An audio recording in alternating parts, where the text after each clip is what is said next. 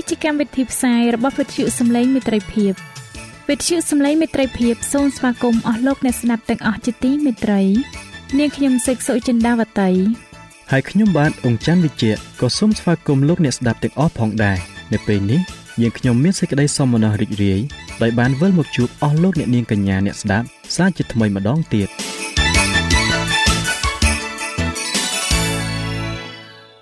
ចា៎លោកអ្នកស្ដាប់ជាទីមេត្រី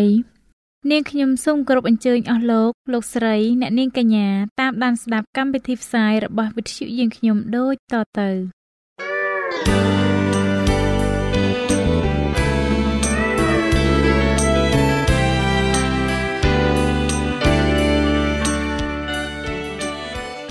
ព្រះបន្ទូលសម្រាប់អ្នកនៅថ្ងៃនេះព្រះគម្ពីរទំនុកដង្កាងចំពុក37ខ1ដល់ខ2បានចែងថា កុំឲ្យក្តៅចិត្តដោយព្រោះមនុស្សដែលប្រព្រឹត្តអាក្រក់ឡើយក៏កុំឲ្យច្រណែននឹងអ្នកដែលធ្វើការទុច្ចរិតដែរត្បិតនៅបន្តិចទៀតគេនឹងត្រូវច្រូតកាត់ដូចជាស្មៅហើយនឹងក្រៀមស្វិតទៅដូចជាស្មៅខ្ចីដែរ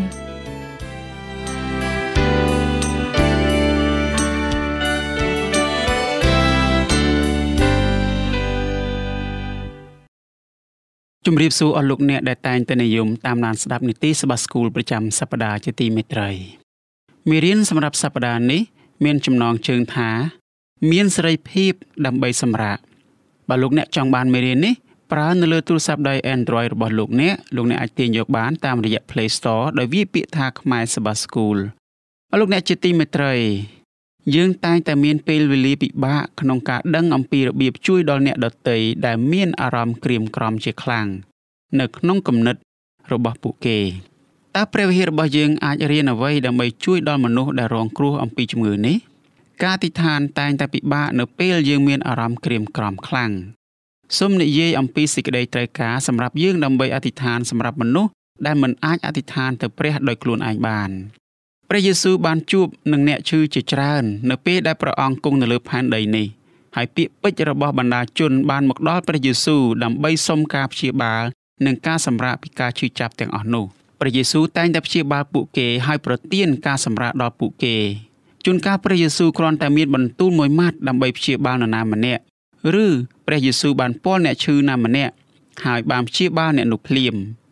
ពេលខ្លះទៀតព្រះយេស៊ូវបានបញ្ជូនអ្នកឈឺនោះឲ្យទៅឆ្ងាយបន្ទាប់មកអ្នកឈឺនោះក៏បានជាទៅតាមផ្លូវទៅផ្ទះដែរព្រះយេស៊ូវបានព្យាបាលបរោះនិងស្ត្រី កុមារនិងសាសយូដាព្រមទាំងអ្នកដទៃទៀតដែលមិនមែនជាសាសយូដា មានទាំងអ្នកមាន និងអ្នកក្រព្រះអង្គក៏បានព្យាបាល អ្នកក្រដែលគ្មាន អ្នកណាយកចិត្តទុកដាក់ចំពោះពួកគេផងដែរគ្មានជំងឺណាដែលធ្ងន់ពេកសម្រាប់ព្រះយេស៊ូវក្នុងការព្យាបាលឲ្យជានោះឡើយព្រះអង្គបានព្យាបាលអ្នកខ្វាក់ពីកំណើតព្រះអង្គក៏បានព្យាបាលអ្នកកើតខ្លងដែលជាអ្នកមានជំងឺសើស្បែកដ៏កាចសាហាវនៅសម័យព្រះយេស៊ូវអ្នកកើតខ្លង បានរស់នៅឆ្ងាយដាច់ពីគេ នៅពេលដែលពួកគេចូលទៅក្នុងទីក្រុងពួកគេត្រូវតែស្រែកថាមិនស្អាតមិនស្អាតមិនស្អាត ដើម្បីប្រាប់កុំឲ្យអ្នកដតីចូលមកចិត្តខ្លួន មិនត្រឹមតែប៉ុណ្ណោះសោតលើសពីជំងឺដែលធ្ងន់ធ្ងរនៅសម័យនោះសំបីតែអ្នកដែលស្លាប់ហើយក៏ព្រះអង្គទ្រង់មានអំណាចឲ្យគេរស់ឡើងវិញបានដែរសប្តាហ៍នេះយើងនឹងក្រឡេកមើលទៅឯគំរូនៃការព្យាបាលពីរខុសៗគ្នា1អ្នកជំងឺ ដែលមិនអាចទៅរកព្រះយេស៊ូវដោយខ្លួនឯងបាន និងទី2មនុស្សដែលមើលទៅមានសុខភាពល្អប៉ុន្តែត្រូវការការព្យាបាល យើងក៏នឹងសួរផងដែរថាតើនឹងមានអ្វីកើតឡើងនៅពេលព្រះមិនបានឆ្លើយតបទៅនឹងការិដ្ឋានសូមការព្យាបាលរបស់យើងតាមផ្លូវដែលយើងរំពឹងទុកនោះ ពេលនោះតើយើងរកឃើញការសម្រាកយ៉ាងដូចម្តេចទៅអស់លោកអ្នកជាទីមេត្រី នៅពេលយើងឈឺ យើងត្រូវការសម្រាកច្រើនជាងពេលផ្សេងផ្សេងទាំងអស់យើងត្រូវការសម្រាកខាងរាងកាយរបស់យើង ដើម្បីឲ្យយើងអាចជាសះស្បើយទាំងស្រុងឡើងវិញ យើងតែងតែត្រូវការសម្រាកខាងគំនិតផងដែរជួនកាលយើងឈឺជាមួយនឹងរឿងរ៉ាវផ្សេងផ្សេងដែលមិនបានធ្វើឲ្យជីវិតរបស់យើង មានគ្រោះថ្នាក់ទេ ប្រហែលជាយើងផ្ដាសាយឬឈឺក្បាលធ្ងន់ធ្ងរយើងសម្រាកនៅលើគ្រែហើយព្យាបាលមិនគិតអំពីកិច្ចការទាំងឡាយ ដែលយើងគួរតែធ្វើ តែមិនអាចធ្វើនោះទេ ពេលខ្លះយើងតែងតែបន្ទោសដល់ខ្លួនឯងនឹងការងារដែលយើងបានប្រព្រឹត្តកាលពីពេលកន្លងមកចំពោះរឿងរ៉ាវអាក្រក់អាក្រក់ដែលបានកើតឡើងនៅក្នុងជីវិតរបស់យើងនៅពេលបច្ចុប្បន្ននេះប៉ុន្តែការអន់ចិត្តឬការស្ដីបន្ទោសរបស់យើងដល់ខ្លួនឯងនិងដល់អ្នកដទៃមិនអាចព្យាបាលយើងមិនឲ្យយើងមានសុខភាពល្អបាននោះទេផែនការរបស់ព្រះសម្រាប់ជីវិតរបស់យើង មិនដែលបញ្ចូលការឈឺចាប់ជាមួយនឹងជំងឺដំកាត់ឬការរងទុក្ខនោះឡើយជំងឺផ្សេងផ្សេងបានកើតឡើងនៅលើភពផែនដីនេះដោយសារតែអំពើបាបព្រះប្រទានគោលការណ៍សុខភាពសំខាន់សំខាន់ឲ្យយើងដើរតាមគោលការណ៍ទាំងនេះអាចជួយយើងឲ្យមានអំណរជាមួយនឹងជីវិតដ៏ប្រសើរមួយនៅពេលបច្ចុប្បន្នដំណឹងល្អនោះគឺថាព្រះអាចប្រទានការសម្រាកដល់យើងប្រសិនបើយើងឈឺឬមានសុខភាពល្អ ព្រះអាចប្រទានការសម្រាកដល់យើងទោះបីជាយើង បានបង្កឲ្យមានជំងឺជាប់ខ្លួនក៏ដោយព្រះអាចប្រទានការសម្រាកដល់យើងទោះបីជាឪពុកម្ដាយរបស់យើងមិនបានមើលថែយើង បានល្អកាលពីយើងនៅកុមារនៅឡើយក្តីព្រះអាចប្រទានការសម្រាកដល់យើងទោះបីជាយើងកើតមកជាមួយនឹងជំងឺ ដែលវិជ្ជសាស្ត្រឬគ្រូពេទ្យមិនអាចដោះស្រាយបានក៏ដោយព្រះជ្រាបអំពីរបៀបនៃការប្រទានការសម្រាកនេះដល់យើង យើងតែងតែមិនដឹងថា យើងឈឺរហូតដល់រាងកាយរបស់យើងបង្ហាញសញ្ញានៃជំងឺ ជាច្រើនដងយើងគិតថាសញ្ញាទាំងនេះក៏ដូចជាជំងឺនោះដែរយើងគិតថាប្រសិនបើយើងកម្ចាត់សញ្ញាទាំងនោះ យើងនឹងបានជាសះស្បើយព្រះយេស៊ូវមានវិធីមួយផ្សេងនៃការតតមើលទៅឯជំងឺព្រះអង្គជ្រាបអំពីបុព្វហេតុពិតប្រាកដនៃការឈឺចាប់ទាំងអស់ដូច្នេះព្រះអង្គចង់ព្យាបាលបុព្វហេតុនោះ ជាមុនដំបូងសិនអស់លោកអ្នកជាទីមេត្រី នៅក្នុងរឿងរបស់បរោះដែលមិនអាចកម្រើកដៃកម្រើកជើងព្រះយេស៊ូវមិនបានព្យាបាលសញ្ញានៃជំងឺភ្លាមនោះទេ ដំបូងព្រះយេស៊ូវបានព្យាបាលចិត្តជាមុនសិន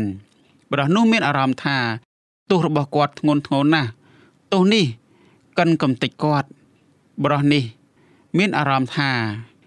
ការបំបែកគាត់ចេញពីព្រះ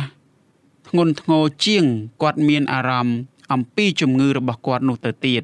នៅពេលមនុស្សម្នាក់សម្រាកនៅក្នុងព្រះអ្នកនោះអាចដាក់ទម្ងន់នៃការឈឺចាប់និងការរងទុក្ខរបស់ខ្លួនដល់ទ្រង់បានព្រះយេស៊ូវចូលទៅឯរឹសនៃជំងឺ ហើយព្រះអង្គប្រទានការលើកលែងទោសដល់បរិសម្នាក់នោះជាមុនដំបូងពួកមេដឹកនាំសាសនាបានភ្ញាក់ផ្អើលនៅពេលព្រះយេស៊ូវអត់ទោសដល់បរិសម្នាក់នោះ មានតែព្រះទេដែលអាចអត់ទោសបាបបាន តើព្រះយេស៊ូវគិតថាព្រះអង្គជានរណាព្រះយេស៊ូវឮអំពីសំណួរនៃកំហឹងនៅក្នុងចិត្តរបស់ពួកមេដឹកនាំសាសនាទាំងនោះ ជាការឆ្លើយតបព្រះយេស៊ូវសួរសំណួរមួយដល់ពួកមេដឹកនាំទាំងនោះអស់លោកអ្នកជាទីមេត្រី ក្នុងព្រះគម្ពីរម៉ាកុសជំពូក2ខ8ដល់ខ9បានចែងថា តែព្រះយេស៊ូវទ្រង់ជ្រាបក្នុងវិញ្ញាណទ្រង់ជាមួយរំពេចថា គេរិះគន់ក្នុងចិត្តយ៉ាងដូច្នោះ ទើបទ្រង់មានព្រះបន្ទូលទៅគេថាហេតុអ្វីបានជាអ្នករាល់គ្នាមានគំនិតក្នុងចិត្តយ៉ាងដូចនេះត្បិតដែលនិយាយនឹងមនុស្សស្លាប់ដៃស្លាប់ជើងនេះថា បាបឯងបានអត់ទោសឲ្យឯងហើយឬថាឲ្យក្រោកឡើងយកក្រែឯងដើរទៅ នោះតើពាក្យណាងាយថាជាងតើព្រះយេស៊ូវសួរសំណួរអ្វីដល់មេដឹកនាំសាសនា តើបញ្ហាអ្វីនៅក្នុងចិត្តរបស់ពួកគេដែលព្រះយេស៊ូវពិតជាចង់ឲ្យពួកគេមើលឃើញនោះអស់លោកអ្នកជាទីមេត្រីយើងមិនអាចមើលឃើញការអត់អោនទោសទេប៉ុន្តែនៅពេលយើងសម្លឹងមើលតែឈើឆ្កាង យើងឃើញពីទំហំនៃតម្លៃក្នុងការអោនទោសការអត់អោនទោសធ្វើឲ្យព្រះលះបង់ប្រជញ្ញព្រះរាជបុត្រារបស់ទ្រង់ព្រះយេស៊ូវបង្ហាញថា ការអត់អោនទោសពិតប្រាកដ នៅពេលព្រះអង្គជ្រើសរើសព្យាបាលអ្នកឈឺនោះ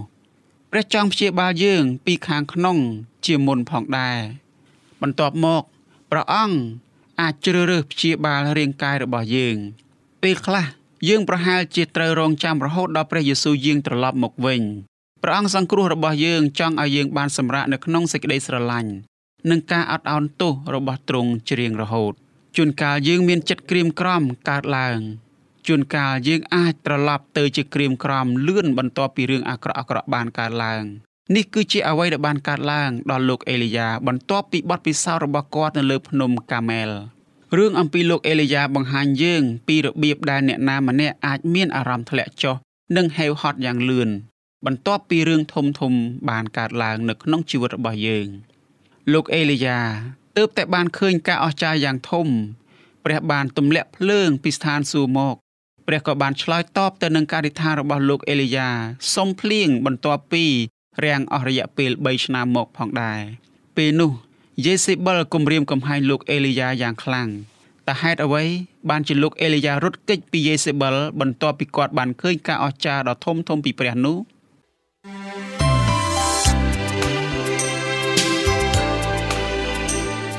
សេចក្តីជំនឿកើតឡើងដោយលឺហើយដែលលឺនោះ គឺដោយសារព្រះបន្ទូលនៃព្រះ តាមរយៈវិទ្យុសំឡេងមិត្តភាព AWR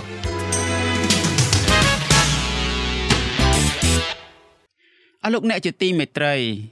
ព្រះគម្ពីរពងសាវតារខ្សាត់ខ្សែទី1ចំពុក19ខ1ដល់ខ5ប្រាប់យើងថាអាហាប់ទ្រង់ប្រាប់ដល់យេសេបិលពីគ្រប់ទាំងការដែលអេលីយ៉ាបានធ្វើ ហើយពីការដែលលោកបានសម្លាប់ហោរាទាំងប៉ុន្មានដោយដាវ ដូច្នេះយេសេបិលព្រះនាងចាត់គេឲ្យនាំពាក្យទៅប្រាប់អេលីយ៉ាថាដល់ស្អែកនេះ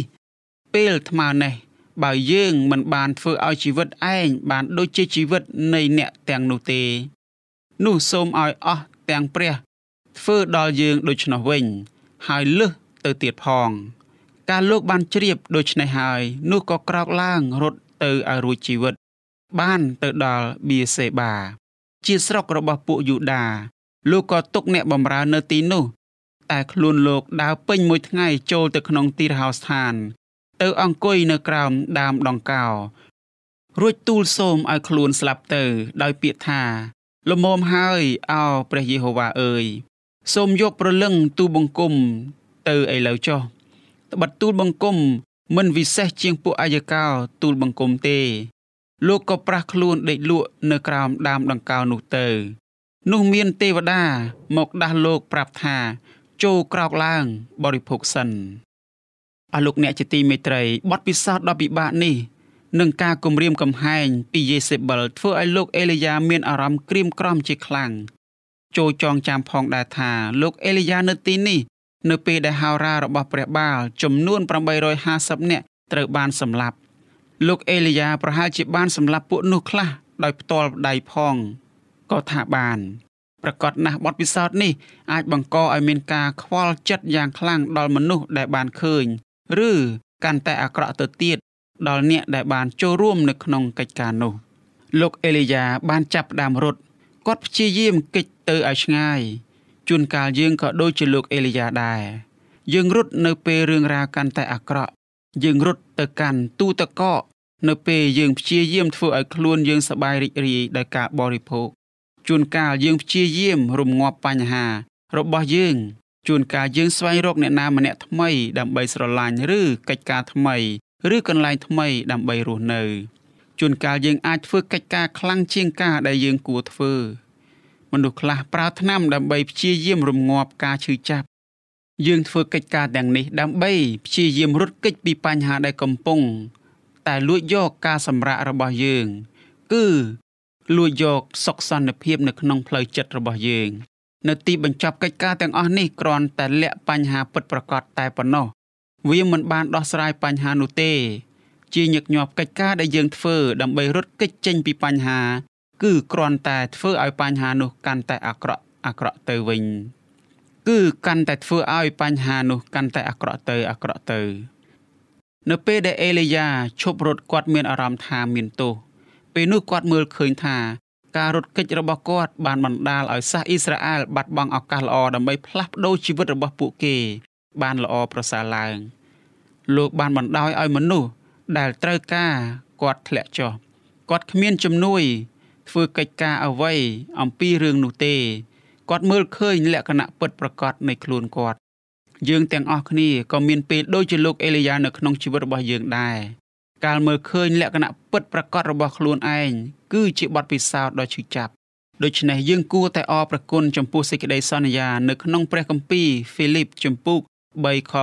9សេចក្តីជំនឿរបស់យើងនៅក្នុងព្រះយេស៊ូវនឹងធ្វើឲ្យយើងបានត្រឹមត្រូវឡើងវិញជាមួយនឹងព្រះពេលយើងនៅក្នុងព្រះយេស៊ូវព្រះទតឃើញយើងដូចជាព្រះអង្គទតឃើញព្រះយេស៊ូវដែរ សេចក្តីសន្យានេះផ្ដល់សេចក្តីសង្ឃឹមដែលយើងទាំងអស់គ្នាត្រូវការ នៅពេលជាមួយគ្នានេះយើងត្រូវការស្មោះត្រង់ថាជីវិតពិបាកចិត្តក្រៀមក្រំអាចបំពេញយើងជាមួយនឹងសំអប់ចំពោះខ្លួនឯងជួនកាលយើងចាប់ផ្ដើមគិតថា ការស្លាប់គឺជាវិធីតែមួយគត់ដើម្បីដោះស្រាយបញ្ហា លោកអេលីយ៉ាមានអារម្មណ៍បែបនេះ បញ្ហារបស់គាត់គឺជាបន្ទុកយ៉ាងធ្ងន់ធ្ងរបន្ទុកទាំងនោះ ធ្ងន់ធ្ងរពេកណាស់សម្រាប់គាត់ក្នុងការទ្រាំទ្រនៅក្នុងចិត្តដោយខ្លួនឯងហើយជាមូលហេតុដែលគាត់និយាយថាលមមហើយព្រះយេហូវ៉ាអើយសូមដកយកប្រលឹងទូបង្គំឥឡូវនេះចុះទូបង្គំមិនវិសេសជាងអាយកោទូបង្គំទេអស់លោកអ្នកជាទីមេត្រី ដំណឹងល្អនោះគឺថា ព្រះមិនក្រោតជាមួយនឹងអេលីយ៉ាទេ ព្រះយល់ពីអ្វីដែលយើងប្រឈមច្បាស់ជាងយើងយល់នៅពេលយើងប្រយុទ្ធទាស់នឹងអារម្មណ៍ក្រៀមក្រំនៅក្នុងចិត្តរបស់យើងនោះទៅទៀតព្រះទ្រង់ជ្រាបថាអេលីយ៉ាអស់កម្លាំងមកពីការរត់ព្រះក៏ជ្រាបផងដែរថាអេលីយ៉ាមានអារម្មណ៍ច្រើន ជាងការដែលគ្រាន់តែហេវហត់ខាងរាងកាយរបស់គាត់នោះទៅទៀតចិត្តរបស់អេលីយ៉ាត្រូវការការសម្រាកដែរលោកអេលីយ៉ាកំពុងតែទ្រាំទ្រនៅបន្ទុកយ៉ាងធ្ងន់ធ្ងរនៃពិរុទ្ធភាព ព្រះអត់ឱនទោសឲ្យលោកអេលីយ៉ាហើយប្រទានការសម្រាកដល់គាត់ ទីបញ្ចប់អេលីយ៉ាអាចសម្រាកបាន ហើយមានអារម្មណ៍ស្រស់ស្រាយឡើងវិញពិតប្រាកដប្រហែលជាយើងគិតថានេះគួរជាទីបញ្ចប់នៃរឿងនេះហើយប៉ុន្តែវាមិនមែនដូច្នេះនោះទេ ការសម្រាកដែលព្រះប្រទានដល់យើង គឺលើសពីគ្រាន់តែការសម្រាកខាងរាងកាយហើយហត់របស់យើងនោះទៅទៀតការសម្រាកដែលព្រះប្រទានដល់យើង គឺជាការព្យាបាលចិត្តរបស់យើង ព្រះមិនបានប្រញាប់ប្រញាល់ព្យាបាលនោះទេ ព្រះជ្រាបថាថ្ងៃល្អល្អនៅខាងមុខរបស់លោកអេលីយ៉ាការព្យាបាលនឹងមកដល់លោកអេលីយ៉ានៅពេលគាត់រៀនរស់នៅតាមគោលការណ៍របស់ព្រះជាម្ចាស់និងទទួលយកនូវការសម្រាកទាំងអស់របស់ទ្រង់អេលីយ៉ានៅមានការងារខ្លះទៀតដែលត្រូវធ្វើសម្រាប់ព្រះនៅលើផែនដីនេះព្រះក៏ជ្រាបផងដែរថាអេលីយ៉ានឹងសុំភ្លើងឲ្យធ្លាក់មកពីស្ថានសួគ៌ម្ដងទៀត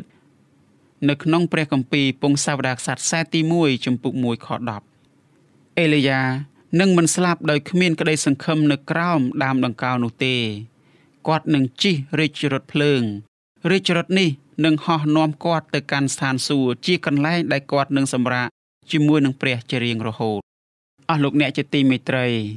តើរឿងអំពីលោកអេលីយ៉ាបង្រៀនលោកអ្នកយ៉ាងណាអំពីការសម្រាកនៅក្នុងព្រះទោះបីជានៅពេលអ្នកមានអារម្មណ៍ថា អ្នកអាក្រក់បំផុតក៏ដោយតើរឿងនេះ បង្រៀនអ្នកកុំឲ្យបោះបង់ចោលក្តីសង្ឃឹមយ៉ាងដូចម្តេចដែរអស់លោកអ្នកជាទីមេត្រីជីវិតតែងតែផ្លាស់ប្ដូរការផ្លាស់ប្ដូរទាំងនេះ គឺធ្វើឲ្យយើងសប្បាយរីករាយនិងក្រៀមក្រំជាខ្លាំងប៉ុន្តែជីវិតផ្លាស់ប្ដូរក្នុងបទពិសោធន៍របស់យើងមិនអាចផ្លាស់ប្ដូរផ្លូវដែលព្រះទ្រង់ជ្រាបអំពីយើងនោះទេ ព្រះមិនប្រែប្រួលឡើយ ព្រះអង្គនៅតែដដែលនៅថ្ងៃនេះក៏ដូចជាម្សិលមិញដែរព្រះអង្គនៅតែដដែលនៅថ្ងៃស្អែកដែរព្រះចង់ឲ្យយើងទុកចិត្តលើសេចក្តីស្រឡាញ់របស់ព្រះអង្គទាំងស្រុងនិងមិនឲ្យយើងសង្ស័យអំពីទ្រង់ឡើយនេះបើយោងតាមខ្លឹមសារដែលដកស្រង់ចេញពីសិភៅកន្លែងនៃស្ថានសួគ៌របស់អ្នកស្រី Ellen G. White អស់លោកអ្នកជាទីមេត្រី សូមលោកអ្នកបានបន្តសម្លឹងមើលទៅឯព្រះយេស៊ូវ និងអធិដ្ឋាន ស្ងាត់ដោយសេចក្តីជំនឿទៅឯព្រះអង្គចេញពីចិត្តសូមរក្សាកម្លាំងរបស់ព្រះអង្គប្រហែលជាអ្នកមិនមានផោះតាងបញ្ជាក់ថាព្រះអង្គឬការិដ្ឋានរបស់អ្នកនោះទេប៉ុន្តែសូមនៅតែបន្តទៅមុខទៀតដោយការិដ្ឋានសូមឲ្យអាកប្បកិរិយារបស់អ្នកហាក់ដូចជាការអធិដ្ឋានរបស់អ្នកដែលអ្នកទូលដល់ទ្រង់ឬដល់បល្ល័ង្ករបស់ព្រះនឹងថាព្រះនឹងឆ្លើយតបដល់សេចក្តីអធិដ្ឋាននីមួយនីមួយ សេចក្តីសន្យារបស់ព្រះអង្គមិនដែលបរាជ័យឡើយសូមបោះជំហានទៅមុខសូមច្រៀងចម្រៀងថ្វាយព្រះនៅក្នុងចិត្តរបស់អស់លោកអ្នកចុះសូមច្រៀងទោះបីជានៅពេលដែលលោកអ្នកក្រៀមក្រំនិងធ្លាក់ចុះក៏ដោយ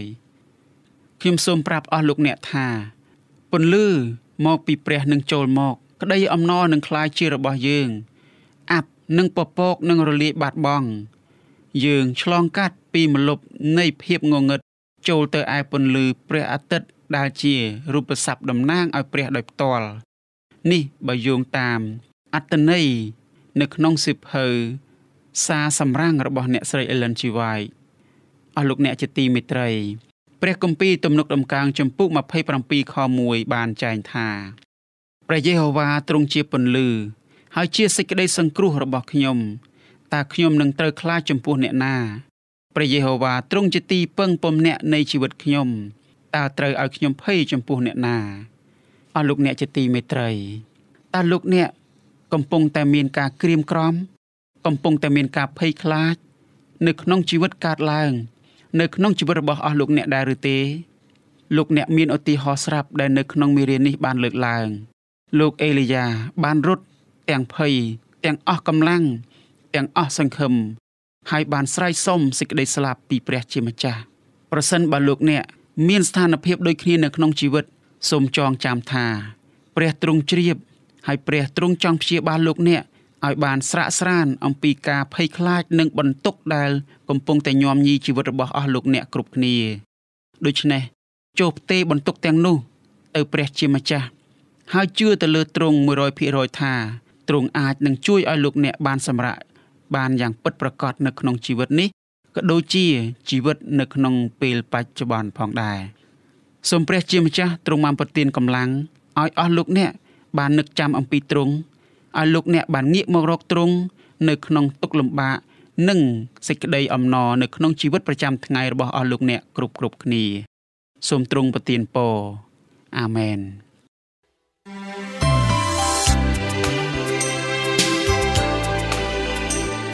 វិទ្យុសំឡេងមេត្រីភាព AWR មានផ្សាយពីរដងក្នុងមួយថ្ងៃគឺព្រឹកនៅម៉ោង6និងពេលយប់នៅម៉ោង8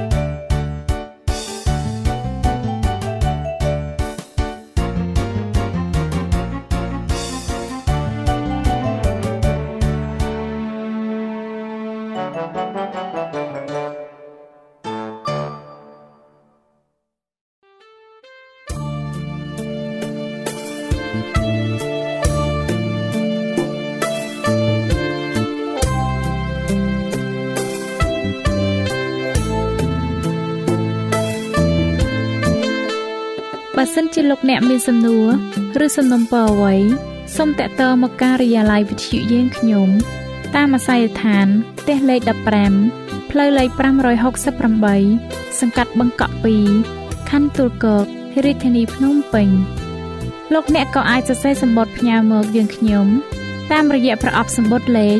488ភ្នំពេញឬតាមទូរស័ព្ទលេខ012 34 96 64ឬ097 80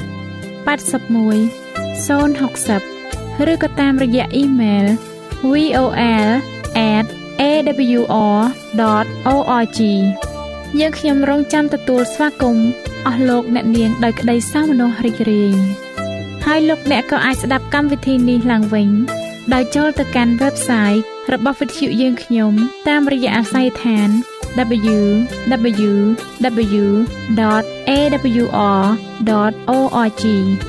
លោកអ្នកនាងកញ្ញាជាទីមេត្រី កម្មវិធីផ្សាយរបស់វិទ្យុសំឡេងមេត្រីភាពនៅពេលនេះសូមបញ្ចប់តែប៉ុណ្ណេះយើងខ្ញុំសូមអរគុណចំពោះការតាមដានស្ដាប់របស់អស់លោកអ្នកតាំងពីដើមរហូតដល់ចប់យើងខ្ញុំសូមជូនពរឲ្យអស់លោកអ្នកនាងកញ្ញាទាំងអស់បានចម្រើនឡើងក្នុងព្រះគុណព្រះអង្គម្ចាស់ ហើយក្នុងការទទួលយកព្រះយេស៊ូវគ្រីស្ទជាព្រះអង្គម្ចាស់និងជាព្រះអង្គសង្គ្រោះនៃយើងរាល់គ្នានាទីផ្សាយរបស់វិទ្យុយើងខ្ញុំនឹងវិលមកជួបអស់លោកអ្នកសាជាថ្មីម្ដងទៀតនៅថ្ងៃស្អែកវេលាម៉ោងដដែលនាងខ្ញុំសេកសុចិន្តាវតីនិងខ្ញុំបាទអ៊ំច័ន្ទវិជ្ជៈសូមអរគុណសូមជម្រាបលា